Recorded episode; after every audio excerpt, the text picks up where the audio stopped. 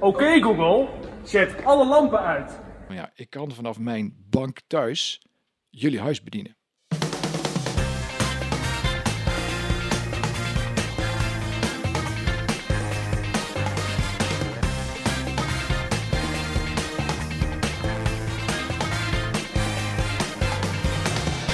Welkom bij alweer de negende aflevering van de Security Talks podcast. De Nederlandse podcast over cybersecurity, waarin we iedere twee weken met security experts ingaan op wat hen bezighoudt, actueel cybernieuws, tips en tricks en natuurlijk gewoon een beetje fun. Mijn naam is Rasha Naoum. In het dagelijkse leven ben ik Business Development Director bij Atos Digital Security en natuurlijk host van deze podcast. En vandaag bij mij aan tafel, gelukkig weer mijn partner in crime, Alan van Leeuwen, teamcaptain van ons Security Operating Center in IJsselstein. En mijn tweede gast, heel blij om jou hier weer te zien, want eh, deze beste tafelgast hebben we hier eerder in de podcast gehad, namelijk Joris Roefs. Dankjewel. Back by. Dope Demand, Joris. Ontzettend leuk om, eh, om hier weer aan tafel te zitten met, eh, met jullie allebei. Ehm, ik heb, nou ja, nee, niet ik heb. De onderwerpen voor vandaag eh, zijn voor mij één grote verrassing. Ik ben heel erg nieuwsgierig. Heb je nog niks verteld? Nee. Nee, ik eh, dacht eerst dat ik het ging hebben over de breach bij Mandiant. We hebben in vorige aflevering al eh één of twee keer Mandiant genoemd. Eh, ze ook eh, een, een respectabel securitybedrijf genoemd. Dus ik was, het was even spannend. Er werd announced dat er een, eh, een breach was en dat de data gelekt zou worden. Timertje liep af en toen bleek dat het eh, ergens anders om ging. Het was, eh, mensen waren een beetje boos op eh Mandiant en hadden een soort neppost gedaan. Oh, nice. Dus daar kan ik niks over vertellen. Dus ik ga het dit keer hebben over iets grappigs. De Goodwill Ransomware. Hey. Zou je alleen nog even de titel, de rest komt straks. Ah, Oké, nou ik ben benieuwd. Ik eh, kom niet verder dan Goodwill Hunting, maar eh eens kijken of daar een link eh, bij zit. Joris, wat, eh, wat voor leuks heb je meegebracht vandaag? Niet zozeer iets nieuws als een onderwerp heb ik meegenomen. Eh, een stukje security wat ook bij ons, bij Atos, een, een beetje onderbelicht nog is gebleven, vind ik zelf. Ehm, heel veel mensen hebben het in huis, heel veel bedrijven zijn ermee bezig. IoT, de Internet of Things. Kijk. Ehm, en hoe beveilig je dat nou? En waar zitten nou de problemen en waar lopen mensen nou tegenaan? En ja, waarom moet je het wel of niet in huis willen halen? Een heel interessant onderwerp. Oh, dan eh, ben ik benieuwd of eh, een van onze collega's gaat luisteren. Want ik weet dat hij mee bezig is met juist IoT security. Dus eh nou, belooft een mooie aflevering te gaan worden. Weer Leuk, Weer een luisteraar erbij. absoluut. Gaan we, gaan we naar over naar jou, Alan? Oké, ik ging het hebben over de Goodwill Ransomware. Ik las een onderzoekje van een partij die heet CloudSec. Ik had er nog nooit van gehoord. Maar ehm, hebben een stukje malware gespot in New Delhi, India. eh, afgelopen maart 2022. En gaat om een stukje ransomware. Dus die, eh, die encrypt al je bestanden. Je foto's, documenten, andere belangrijke bestanden. Ehm, doet hij met AES-encryptie, welbekende encryptiemethodiek. Sterk, kom je niet zomaar doorheen. Heb je een decryptiesleutel nodig. Nou, normaal gesproken kun je dan eh, wat bitcoin of wat Monero betalen aan de aanvaller en dan krijg je bestanden terug. Maar hier krijg je een bericht in beeld dat je drie stappen moet doorlopen om toegang te krijgen tot je bestanden. Drie, drie vaste stappen? Ehm, de eerste stap is, je moet kleding doneren aan daklozen. Oh, Dat moet je filmen en posten op social media. ja. Dan stap 2. Vijf arme kinderen meenemen naar McDonald's, KFC of de Pizza Hut. Ja, Ook dat moet je filmen ja. en posten op de social media. En dan nog een laatste, eh, die is misschien nog wel eh, eh, het lastigste. Financiële ondersteuning geven aan iemand die zijn medische rekening niet kan betalen. En er staat als tip bij van, loop maar een paar rondjes om het ziekenhuis, dan zie je vanzelf iemand staan. Nou, dit komt uit India, dus misschien dat daar de situatie anders is. Ik denk als ik hier een rondje loop, dat ik alleen maar goed verzekerde mensen tegenkom. ja weinig voor ze doen. Het lijkt me inderdaad niet een Nederlands dingetje wat je makkelijk kunt oppakken. De, de, de mensen die hier de zorg niet zouden kunnen betalen, dat gaat echt over ex- experimentele eh, zaken die je Ja. misschien in Nederland niet eens kunt laten doen. Anyway, die drie stappen volgen, alles op de socials posten, de linkjes naar de aanvaller sturen en die gaan dat controleren. Er is ook nog een aardige klus in zitten. En vervolgens krijg je een sleutel toegestuurd. Oh, maar eh, nou, één, ik denk dat je wel even bezig bent, dus voordat je überhaupt weer een sleutel krijgt en toegang krijgt tot je bestanden. Gaat je wel een paar dagen kosten, denk ik. Ja, Daar, eh, daar ben je niet met een uurtje mee klaar. en het is eigenlijk nog een eh, good deed. Ja, het is echt een good, goodwill ransomware. Ze verdienen er zelf niets aan. Ze willen gewoon wat goed doen in de wereld. Nou, als we iets, iets verder kijken. ehm, malware is onderzocht en in de code zien we heel veel overeenkomsten met een stukje open source malware genaamd Jasmine. Dan denk je, open source malware, ja, het is een soort eh, red teaming tool. Ehm, wordt gebruikt om, eh, ja, om security testen uit te voeren, dus om simulaties uit te voeren. Ja. En die Jasmine code schijnt een deel zijn aangepast en daar is deze ransomware mee gemaakt. Eh, standaard in Jasmine worden er geen echte sleutels gegenereerd. Maar wordt er ergens een soort eh, host ID gebruikt om een sleutel mee te maken. Nou, die kun je zelf ook heel makkelijk achterhalen. En dan kun je sleutel genereren. Dan kun je gewoon zonder al die moeilijke stappen kun je het weer eh, on- ongedaan maken. Ehm, even over de attributie. Het komt echt uit India. Dus het is niet alleen in India gespot, maar er was ook een e-mailadres bij betrokken dat te herleiden is naar een India's security bedrijf dat security services levert. Ehm, er, is een string in de malware gevonden. Er staat iets, ik heb geen idee hoe je dit uit moet spreken. Error hi baya. Wat vrijelijk vertaald naar there is an error brother. Maar het is in ieder geval Hindi, dus dat geeft aan dat de maker Hindi spreekt. En er was ook een, een, een C2 layer, dus de, de, de command and control layer, die was ook gehost in India. Dus alle pijlen wijzen naar India. Eh, het feit dat het een security bedrijf is en dat eigenlijk het stukje malware niet echt zeg maar, in het wild op machines gespot is, maar gewoon een, een sample van virus total gevonden is. Ja, dan denk ik het is een, of een grap of iets om, om, om in dat security bedrijf aan te kunnen tonen dat, dat hun methodiek werkt bijvoorbeeld. Ja, of een marketing stunt. Het is, eh, het is Ja. natuurlijk aardig om een, op een, een stukje Robin Hood malware te maken. Ja, ik En weet niet of je dan als security bedrijf heel goed uit de verf komt als je mensen hun bestanden gaat encrypten. Maar Wat misschien de reden is dat je het alleen op Virus Total ziet. en nog niet in het wild. goed, dan krijg ik van Raja bijna altijd als ik een verhaal vertel de vraag aan het einde, wat kunnen we hier nou tegen doen? Ja, dat klopt. Daar ben ik altijd een beetje slecht op voorbereid. Dus ik heb deze keer... Oh, maar ik heb ook nog een andere vraag zo voor je. Oh, nou, eh, kom maar eerst. eerst? Ja, kom maar. Nou, ik ben eigenlijk benieuwd. Want dit is een soort van, eh, nou ja, een ransomware met een ander doel dan per se geld vangen. Eh, dus ik zou zeggen, niet van criminele aard in die zin. Of eh, in ieder geval an- een, andere, een ander uitgangspunt. Zien we dat ransomware eh, aanvallen vaker of steeds meer ook met andere doeleinden worden ingezet? Zie jij, he- heb je meer van dit soort type ransomware aanvallen of andere vergelijkbare Ja, er zijn er wel die, die politiek gedreven zijn en die dan wat voor elkaar proberen te krijgen bijvoorbeeld. Maar ja, vaak is toch, de eind, eindbericht is toch vaak betalen. maar dan, dan staat er een ander plaatje bij of een ander bericht bij om toch eh, iets de wereld in te brengen. Hmm. En dat zijn natuurlijk vaak lokalere aanvallen. Hè? Dus Ja. het gebeurt inderdaad wel meer dat ze iets voor, voor elkaar willen krijgen. Maar ja, dat wil je van een bepaalde groep. Dus dan blijft het ook beperkt, die aanval tot die groep. En deze heeft zich eh, beperkt gehouden nu tot, eh, tot India? Of eh, gaat hij al eh viral Ja, ik- en wereldwijd? In het onderzoek van eh, CloudSec kan ik niet echt achterhalen waar ze het sample vandaan hebben gehaald. Maar ik ga ervan uit, omdat ze wel zeggen van het is niet in het wild gespot, dat ze toegang hebben tot de Virus Total database, en dat ze daaruit het sample hebben getrokken en dat onderzocht hebben. Niet in het wild tegenkomen in ieder geval. Oké. Nou, Plus, plus, n- nu dit bekend is, zou je eigenlijk, eh, kun je, hoef je geen moeite te doen en los je dit zelf op met een uurtje. ja, je, je kunt inderdaad vrij eenvoudig zelf de sleutel eh, achterhalen. Ehm, mocht je je toch zorgen maken. Er zijn ook IOC's bekend, die kun je eventueel blokkeren. Dus IP-adressen en, eh, en file hashes, et cetera. Eh, ik zou de moeite niet nemen. Zeker als het je overkomt, kun je die sleutel achterhalen. Dus het is niet echt een dreiging. Ja, daar staat tegenover. Wat let je? Eh, neem eens vijf kinderen mee naar, eh, Ik naar de McDonald's. zeggen. Oh, dat mag je sowieso altijd doen natuurlijk. Nee, daar, daar heb ik helemaal niks op tegen. Goed, ik heb een aantal tips op een rijtje gezet om jezelf te beschermen tegen ransomware aanvallen. Kom op. Als eerste, en dat is wel de aller, aller, allerbelangrijkste, backups. En vooral ook offline, offsite backups. Niet iets wat aan je netwerk zit aangesloten, want een echte goede aanvaller die gaat eerst heel je netwerk nazoeken om te kijken of hij de backups kan vinden. En dan gaat hij die ook eh onklaar maken. Even als, eh, als vraag eh, of reactie daarop. Hoe vaak kom je nog tegen dat backups eigenlijk niet secure zijn? Of inderdaad niet offline worden opgeslagen?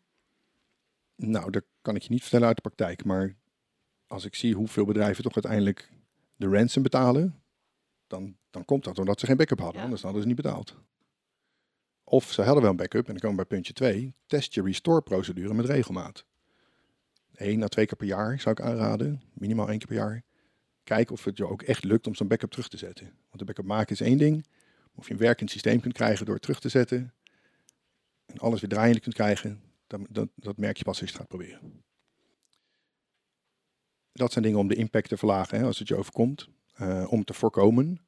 Eh, heb ik als, als het sterkste punt application whitelisting. Het is wel uh, een, zwaar middel. Het is niet, uh, niet overal te implementeren. Maar feitelijk wil je dat mensen alleen de programma's opstarten die jij hebt goedgekeurd. Dus mensen mogen Office gebruiken, ze mogen Teams gebruiken, uh, Adobe Acrobat. Dat zet je allemaal in de whitelist. En voor de rest mag dan op je computer niks opstarten.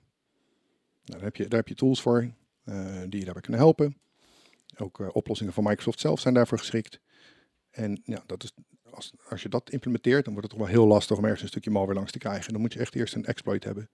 Dan kan het niet meer zo zijn dat iemand de verkeerde attachment aanklikt en dat je dan de shark bent. Uh, netwerkrestricties, ook natuurlijk een heel belangrijke. Zorg dat uh, met name servers alleen connecties kunnen maken die, zijn, die noodzakelijk zijn. De, je webserver moet met de database server praten, moet met de buitenwereld praten, maar zou niet met al die andere servers in je DMZ moeten kunnen praten. Zoveel mogelijk restricties zorgen ervoor dat dingen zich zo min mogelijk kunnen verspreiden. Uh, gebruik two-factor authentication. Nou, dat is wel echt een inkoppertje, maar je ziet toch dat heel veel aanvallen gebaseerd zijn op brute force aanvallen op RDP of SSH. Dat is vaak de eerste ingang.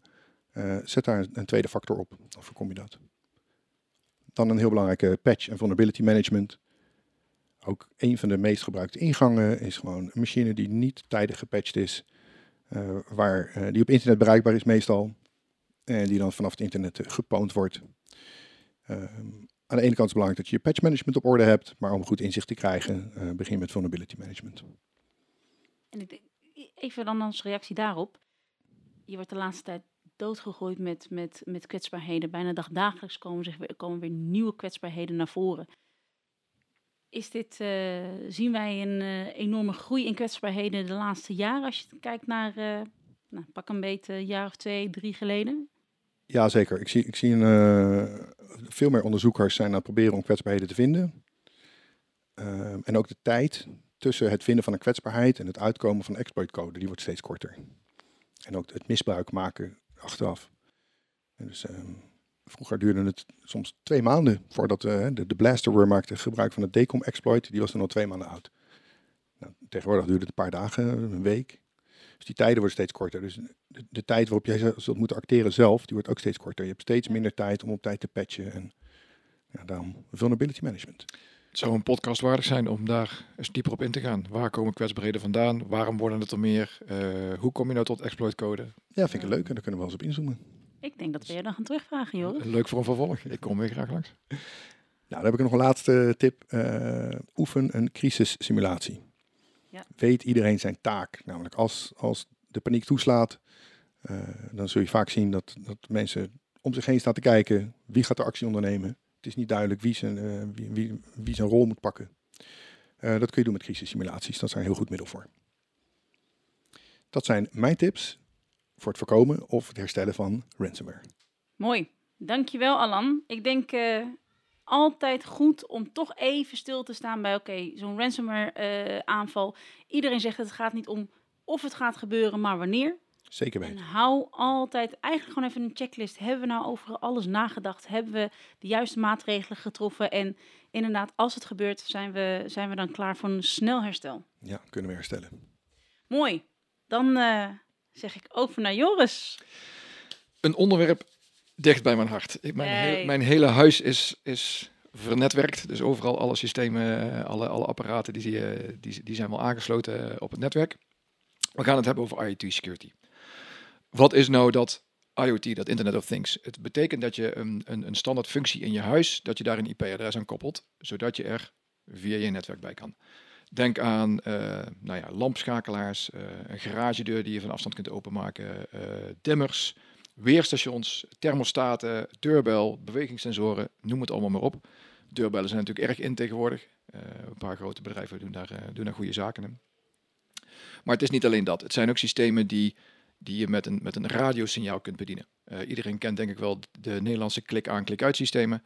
Die werken op een bepaalde radiofrequentie. Dat is dan toevallig 433 megahertz. En ik kan erop ingaan waarom dat 433 is. Dat is niet zo belangrijk.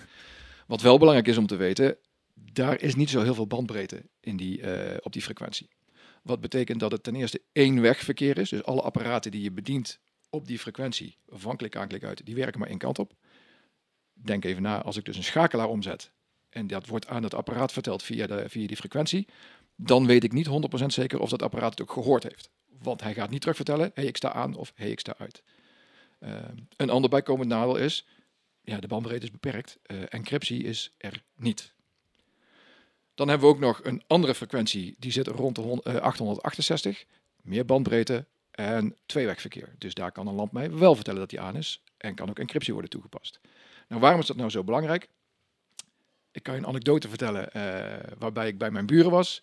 Die ik wilde uitleggen dat ze toch echt wel heel veel op dat 433 onbeveiligde eh bandbreedte stukken aan het, aan het werken waren. Dus ze waren ook heel verbaasd toen ik uitlegde van ja, ik kan vanaf mijn bank thuis jullie huis bedienen. Ja, nou, eerst is het natuurlijk ongeloof. Ik zeg oké, nou dan doen we de lampen aan en uit. Dus ik kon op mijn telefoon, dan kon ik alvast hun eh, lampen aan en uit doen. Zeg maar wat erger is, jullie hebben hier zo'n fantastisch zeeaquarium staan. Ik kan de thermostaat daarvan instellen.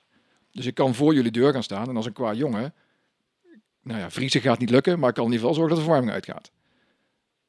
Houd daar rekening mee. Besef dat dit dus echt een risico is eh, eh, in je huis. Dat soort zaken gebeuren ook bij alle andere IoT. Grote devices. Faraday cage omheen bouwen om het huis. Eigenlijk wel. Ja, eigenlijk wel. Of ga naar eh, met een ander systeem werken. Hè. Dus eh, op, op 868 kun je, kun je wel dat soort beveiligingszaken toepassen. Is dan dat alle goedkope Chinese spullen op die lage frequentie zitten en de wat duurdere spullen op de hoge? Mm, niet altijd. Je, brengt wel, je brengt wel een mooi bruggetje aan voor de rest van het verhaal. want uit China komen wel bijna alle IoT-spullen. Dus ook de zaken die gewoon direct aan het internet eh, of aan het netwerk te koppelen zijn. eh, eh, IP gebaseerd, die gewoon meedraaien op je wifi. Die komen bijna, allemaal uit China. Ehm, goedkoop. Het werkt. Laten we dat vooral niet vergeten. Het werkt makkelijk. Ehm, nadeel, het zijn allemaal verschillende platformen. Je hebt voor ieder apparaat wat je aanschaft, heb je een, heb je een andere app nodig. Ehm, ja, en de beveiliging, ja, dat is maar de vraag. Hè. Je, hebt geen, je hebt geen idee wat je, wat je in die apparaten hebt zitten. En je weet wel dat daar, net als, eh, net als die vorige apparaat waar ik het over had, er is nauwelijks ruimte om encryptie toe te passen. Eh, weinig opslagmogelijkheden. Het zijn gewoon kleine, ja, hele kleine, minimaal uitgeruste computertjes. Vaak geen software update. Ja, en als, je, als ze er wel zijn, hoe ga je die installeren? Ehm, nog een grote nadeel is, die systemen die werken allemaal via de cloud. Dus jij haalt een Chinese schakelaar in huis en die communiceert via jouw netwerk met een systeem in China. Je hebt geen idee wat dat systeem is. Ehm, maar je weet ook niet wat terugkomt. Je haalt daadwerkelijk een Trojan horse. Hè, iedereen kent het verhaal van, eh, van het paard Ja. van Troje nog wel. Dat haal je in huis, ze installeer je in je netwerk. En dat systeem heeft volledig zicht op jouw netwerk. Kan alle systemen zien die daar aanwezig zijn. Kan, nou ja, daar heeft hij de verwerkingscapaciteit waarschijnlijk niet voor. Maar kan in ieder geval delen van het netwerkverkeer wat voorbij komt, kan die ook zien. Ehm, je hebt gewoon geen idee wat ze doen. En, en, en er komt... eh, komt er meteen bij mij een, eh, een vraag op. Eh, het is mij als eerder gevraagd, maar eh, weten jullie waar de S voor staat in IoT? Die heb ik nog niet gehoord, nee. Nee, eh, die staat voor security. Het zit er simpelweg niet in. Nou ja, dat is goed samengevat. Want het is echt een issue. Ik zal dus wat statistieken bijhalen. Ehm, in 2021 hadden we 10 miljard IoT-devices aan, aan een netwerk gekoppeld. Dat is dus eh, even een, paar factoren meer als dat er mensen op aarde zijn. Ja. Ehm, 25% van de cyberattacks eh in 2025, zo verwacht Garner, zijn gericht op IoT. Dus een kwart van alle cyberaanvallen gaan richting die devices die nul verdediging hebben. Er zit echt geen enkele verdedigings, eh, verdedigingsmechanisme zit erin verwerkt. Mirai botnet was daar heel groot in. Ja. Ja, en er zijn er, ik verwacht nog wel meer die we nog niet hebben gezien. Oh ja. De zorgsector in 2025 gaat voor ongeveer 500 miljard aan IoT-devices gebruiken. Wereldwijd. Heb je die nullen goed geteld? Die heb ik, die heb ik heel goed geteld, ja. En dan ben ik even benieuwd of manufacturing ook op jouw lijstje terechtkomt. Want Daar geldt hetzelfde. Eh, dus manufacturing en eh, alles met de industrie te maken heeft, is- is ook heel erg aan het investeren in, eh, in IoT, in eh, Internet of Things. Ehm, het automatiseert een hoop. Je kunt alles vanaf afstand doen. Eh, je kunt een beheerder in een hok zetten eh, met, een- met een goede interface en die kan zijn werk doen. Maar ook daar zijn de aanvallen met name gericht op, de, op die systemen ja, die nauwelijks beveiliging hebben. Ehm, eh, om maar even terug te gaan naar die zorg. Het grootste deel van de systemen zijn gelukkig alleen maar monitoring systemen. Dus als in, je kunt niet direct schade berokkenen. Maar ja, daar staat tegen, tegenover. Als ik een hartmonitor heb en iemand is daar aan het verstoren en het lijkt alsof het hart goed gaat, maar toch niet. nou ja, dan, dan, dan reken maar uit wat er gaat gebeuren. Ja, ja om, en, en, om even het vergelijk te maken wat nou, wat, hoeveel dit nou consumenten raakt en hoeveel bedrijven. Want IoT klinkt toch een beetje van dat is huisduin en keuken, dat doen we allemaal thuis. Eh, dit jaar zitten we rond de eh 1 biljoen, oftewel 1000 miljard devices eh, gekoppeld. 13% daarvan is consumentenspul. Oh. 87% zit dus bij bedrijven. Oh, dat had ik Ja. niet verwacht, die verhouding. Ja, dus eh, is, is behoorlijk wat. Ja, ja. ja dus de, de, de getallen liegen er niet om. Eh, de beveiliging ligt er wel om. Dat valt nog vies tegen. Ehm, eh, en nou ja, dit verhaal, ik zeg al, het ligt dicht bij mezelf. Laat ik eens vertellen hoe ik het zelf thuis heb opgelost. Oh, nou, dan ben ik benieuwd. Daar kunnen, daar kunnen hopelijk dan andere mensen ook nog wat van Maar, leren. maar er komt niet. Komt, ik, ik zeg maar wat. Ik heb zelf bij mijn ringbel thuis. Nou heb ik hem zelf niet geïnstalleerd. Dat heeft mijn man gedaan. Maar ehm, een, eh, een, een handleiding voor eh, een, een veilige installatie eh, is niet misplaatst.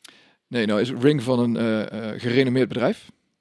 En daar is de beveiliging redelijk goed geregeld. Dus maar al- nu heb ik pas op eh, een bekende Chinese site een hartstikke mooi eh, slim deurslot gekocht. Ja. Eh, lijkt heel goed te werken voor mij. Maar eh, betekent dat dat eh, mijn handige buurjongen straks eh, bij mij in de slaapkamer staat? Mogelijk. Eh, het enige wat ik daarvan kan zeggen is breng hem een keer langs, dan kijken we samen. Maar je hebt een, je hebt een technische achtergrond nodig om die inschatting goed te kunnen maken. In het geval van de, de Ring door, eh, deurbel, inderdaad is dus een gerenommeerd bedrijf, hè, komt, bij, eh, komt bij Google vandaan. Eh, daarvan mag je erop vertrouwen dat de communicatie met die centrale servers, waar die video's worden opgeslagen, dat dat veilig is. Ehm, maar dat geldt lang niet voor alle systemen zo. Ehm, ja, wat ik al eerder aangaf, alles gaat via de cloud. Je weet niet wat, er, eh, wat, wat, daar, wat daar gezien wordt. Je bent ook erg afhankelijk van die internetverbinding. Ik geloof dat het vorig jaar is, misschien is het alweer twee jaar geleden, eh, zijn er een aantal Google-servers onbereikbaar geweest.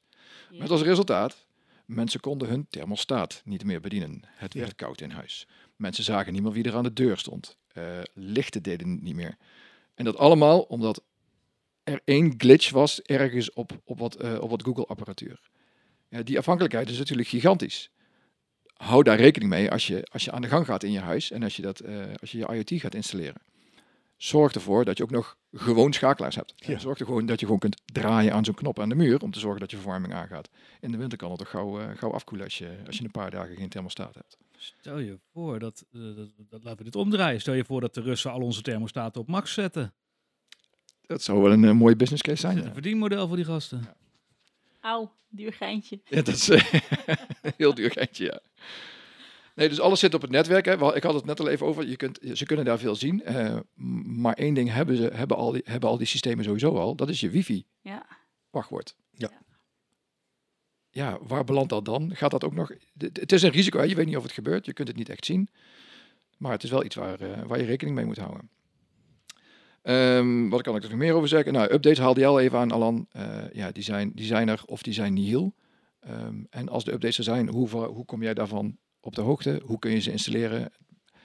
Ja. Dat, dat, dat zal niet vaak gebeuren. En laten we ook eh, zeker zijn, een update betekent vaak niet een security verbetering. Betekent hoogstens een nieuwe feature met mogelijk nog meer, eh nog meer eh, Is dat op. update-probleem volgens jou nou het grote probleem van IoT? Of Nee. Ik denk eerlijk gezegd dat eh, bij IoT, security zit er toch niet in en gaat daar ook niet gauw komen omdat die verwerkingscapaciteit gewoon te klein is. Ja. Ehm, dus in dit geval, if it works, don't fix it. Laat gewoon lekker draaien ehm, en zorg dat je er lagen omheen gaat bouwen die voor die security gaan zorgen.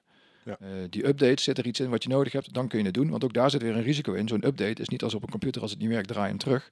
Dan doet het ding het niet meer. En dan moet je hem vervangen. bricked it? Break it, yes. Maar wat zijn dan eh jouw inziens dan de, de, de meest cruciale maatregelen die je dan wel kunt treffen? Kom ik op. Oh, oké. Eerst natuurlijk even, even de conclusie van het alles, want laten we wel zijn, het is wel heel leuk om mee te spelen. Ehm, als iemand mijn garage binnenkomt, dan gaat de lamp in de garage aan en dan krijg ik op Telegram op mijn telefoon krijg ik een 7 seconden durend filmpje om te zien wie er binnenkomt. Oh, Ik heb thuis een, eh, ik heb thuis een, eh, een, een slimme stekker op mijn wasmachine aangesloten. En bij een power drop gaat er een sms'je naar mijn vriendin. Schat, de wasmachine is klaar. Je kunt hem uitruimen. Ik heb dus precies hetzelfde gedaan. Eh, je kunt ook meten wat hij kwijt is aan, eh, aan stroom per, eh, per, per was. Heb je ook gedaan en nu ben je single. Nee, ik, ik, ik krijg het sms'je. Doe jij sms'jes naar mijn vriendin? Dat ze de wasmachine moet komen uithalen. Nee, die krijg ik nog zelf. Maar dat is een, precies punt 2 van de conclusie. Het is heel makkelijk. Je kunt echt heel makkelijk eh, eh, je huis bedienen. Als je een beetje handig bent met dat, met, met systemen aan elkaar koppelen. Eh, je komt een ruimte binnen, er wordt een deursensor getriggerd, dan gaan de lampen aan. Eh, er komt iemand thuis. In mijn geval, als ik alleen thuis kom en er is verder niemand bij, dan gaat de radio aan. Dan voel ik me niet zo, een- eh, niet zo eenzaam. Eh, en natuurlijk is het, ja, het is gewoon goedkoop. Het is goedkoop om mee te spelen. Het is een, eh, het is een, het is een leuke hobby. Het is ook wel gewoon heel leuk als je gewoon kan zeggen, eh, doe de lampen aan. Dat Ja, maar het is ook Ja. zo makkelijk. Er zijn, gewoon, er zijn gewoon apps die je kan installeren. If this, then that. Daar staat het allemaal al voor geïnstalleerd voor je. Als de deurbel eh, gaat, gaat mijn lamp knipperen. En je praat tegen een Sonos of je praat tegen een, eh, een Echo device of wat dan ook. En je kunt gewoon vertellen wat je wil en het gaat gebeuren. Ja, dat is natuurlijk wel eh, erg prettig allemaal. En we zijn toch ook allemaal van gemak tegenwoordig. Alles wat ons leven nog makkelijker kan maken. nog minder hoeft op te Ja. staan Ja. van de bank. Ik steek graag eh, zeven dagen klussen in eh, twee seconden winst om niet naar de schakelaar te hoeven lopen. Ja. Dat klopt.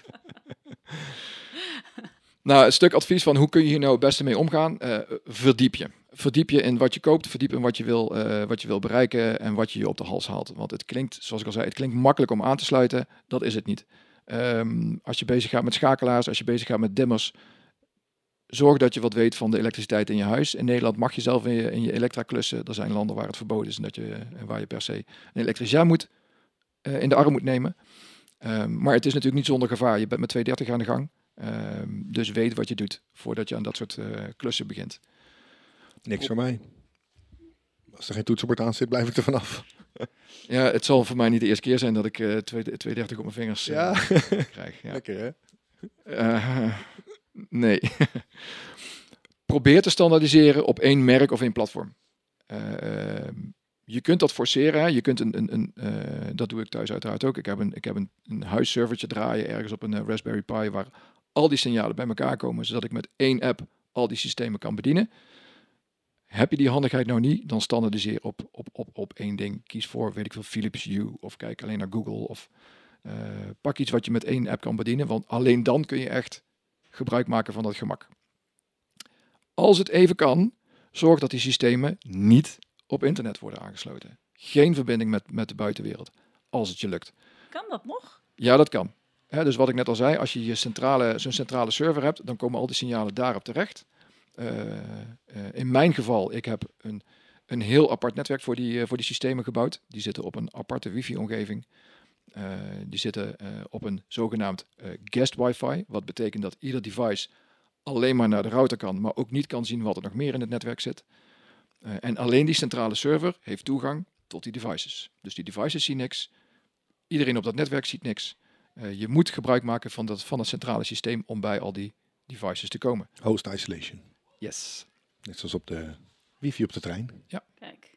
En ook die centrale server heeft geen toegang tot het internet, maar ik kan van buiten met een VPN op mijn thuisnetwerk inloggen en zo heb ik van buiten eventueel toegang, zou ik dat willen.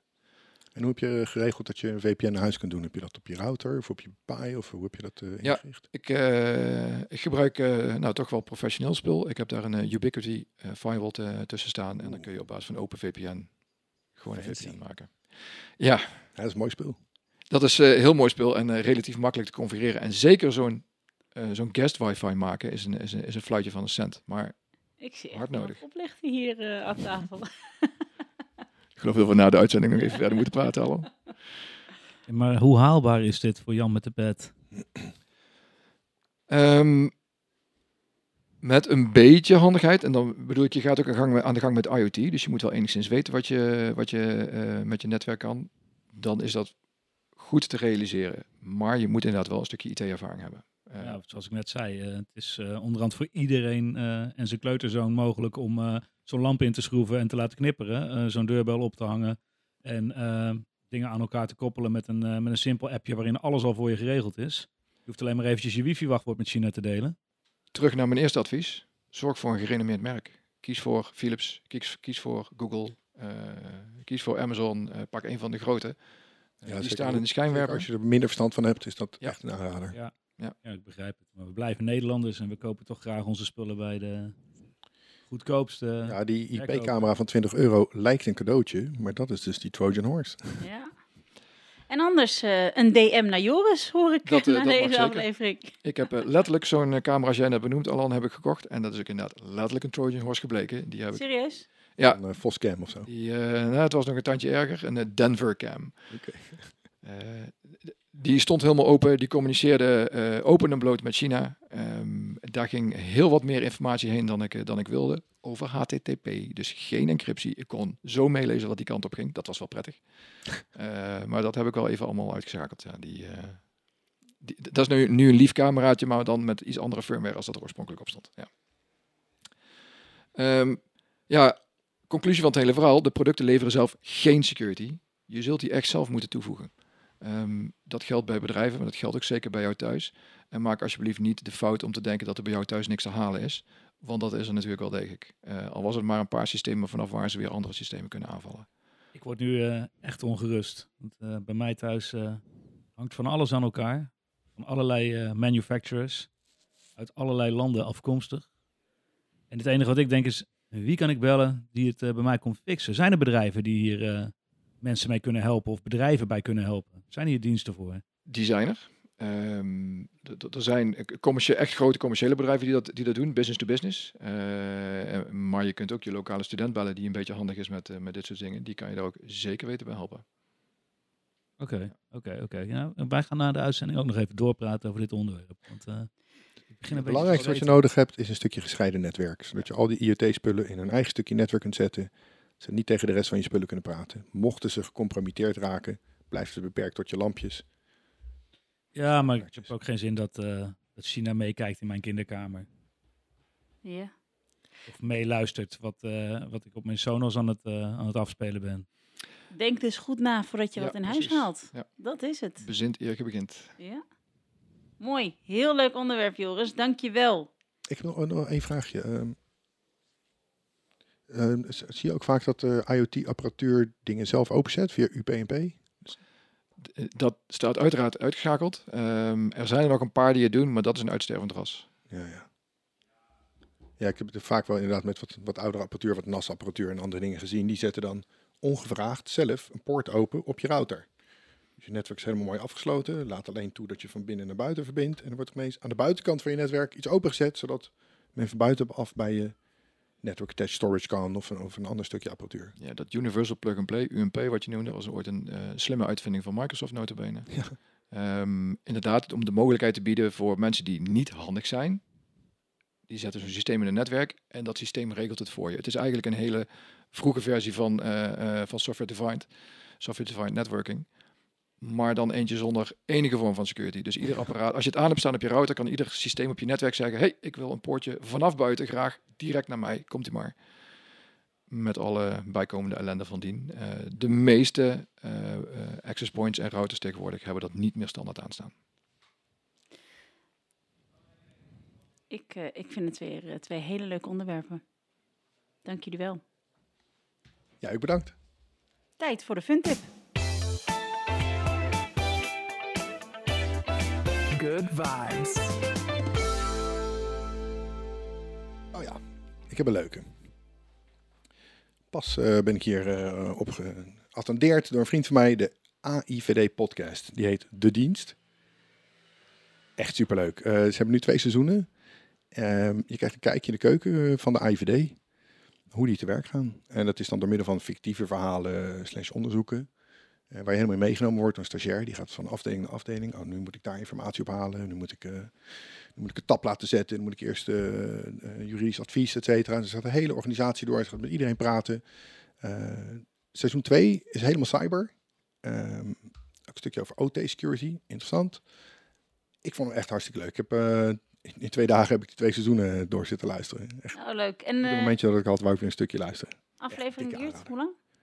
Eh, een half uurtje, denk ik. Ah, Oké. Ik denk Zes afleveringen per... Ja, precies, daar red ik precies van hier naar huis. Leuk. AIVD-podcast zeg je. Heet De Dienst. De dienst. Komt in de show notes.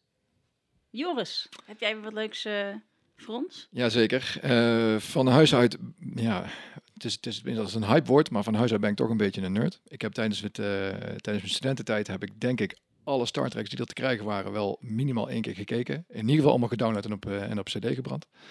Ehm, Veilig. en eh, er komt weer wat, eh, er, er is weer wat nieuws. Ehm, we hebben de afgelopen paar jaar een paar nieuwe films gehad, eh, een paar nieuwe series, Discovery, waarb- waarbij ze proberen om, ja, de, de serie, ik vind hem te veel opblazen. Er zit één grote verhaallijn en je moet echt een, een flinke aandachtsboog hebben om het hele seizoen uit te kijken. Ehm, Het het, is mij niet gelukt. En ik ben ook echt een Star Trek fan. mij ook niet. Ja. Nee, ik heb het niet voor elkaar gekregen om de laatste Discovery uit te kijken. En eh, de nieuwe, nieuwe Picard, daar worstel ik me wel doorheen. Maar daar heb ik ook, ook echt wel wat moeite mee. Maar er is hoop. Waarbij men gezegd heeft, eh, deze oude, deze vorige series, eh, Not Your Father's Star Trek, is er nu een serie. En daar kun je rustig van zeggen, it is Your Father's Star Trek.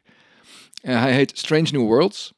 Ehm, is helaas alleen te zien op Paramount Plus, wat je op dit moment alleen nog maar in Amerika kunt krijgen. Maar er is hoop. Ehm, ze komen eh, binnenkort naar Nederland onder het eh, bedrijf eh, Sky Showtime, waarbij eh nou, samenwerken tussen verschillende organisaties, daar ga ik niet altijd diep op in. Maar die gaan dat uitzenden. Ja, en dit is echt weer helemaal de, de, de look en feel van, van de original series zelfs. Ehm, met iedere aflevering gewoon een verhaal met een begin en een eind. En ja, er is wat, eh, wat karakterontwikkeling in de hele serie, maar daar draait het niet om. Het gaat gewoon lekker om al die losse afleveringen waar gewoon leuke dingen gebeuren. Ja, leuk. Heerlijk. Ehm, het ziet er allemaal lekker fris uit, allemaal eh, moderne technieken gebruikt. Ehm, het kijkt heerlijk weg. Echt een goede aanrader. Leuk. En jij hebt alle sneak previews die eh, beschikbaar waren, die heb je al eh, bekeken. Ja, zeker. Nou, ja, op YouTube kun je uiteraard de, de trailer en de intro enzovoort kijken. Eh, en voor de rest eh, verwijs ik graag naar of een eh, goede VPN-dienst. En dan eh, moet je een Paramount Plus abonnementje afnemen. Ja, precies. Of eventjes geduld en dan kun je hem gewoon in Nederland zelf op een eh, abonnementsdienst vinden. Leuk, dank jullie wel. Dan zijn wij weer eh, aan het einde gekomen van de negende aflevering, eh, mannen. Ik, eh, ik vond hem geslaagd en eh, weer erg gezellig. Wat jullie? Ja, leuke aflevering. Moeten we nog eens doen. Thanks voor je Nou ja, komst, je hebt jezelf al eh, uitgenodigd, want eh, we gaan eh, een, eh, een podcast eh, opnemen in het teken van vulnerability management. Heel goed. Dus wij zien jou sowieso terug. Altijd leuk met Joris. We hopen natuurlijk ook dat jij als luisteraar weer hebt genoten van onze podcast. En de volgende aflevering wordt ons eerste jubileumaflevering. Dat wordt namelijk nummer 10. Ten, ten, ten, Ehm. Deze laat wel ietsjes langer op zich wachten dan, eh, dan de gewone twee weken die je van ons gewend bent. Maar het belooft echt een hele leuke aflevering eh, te worden. Dus eh, stay tuned. Eh, want we spreken dan ook weer met nieuwe collega's, nieuwe cybersecurity experts. En over de zaken die hen bezighouden. En het cybernieuws wat tegen die tijd actueel is.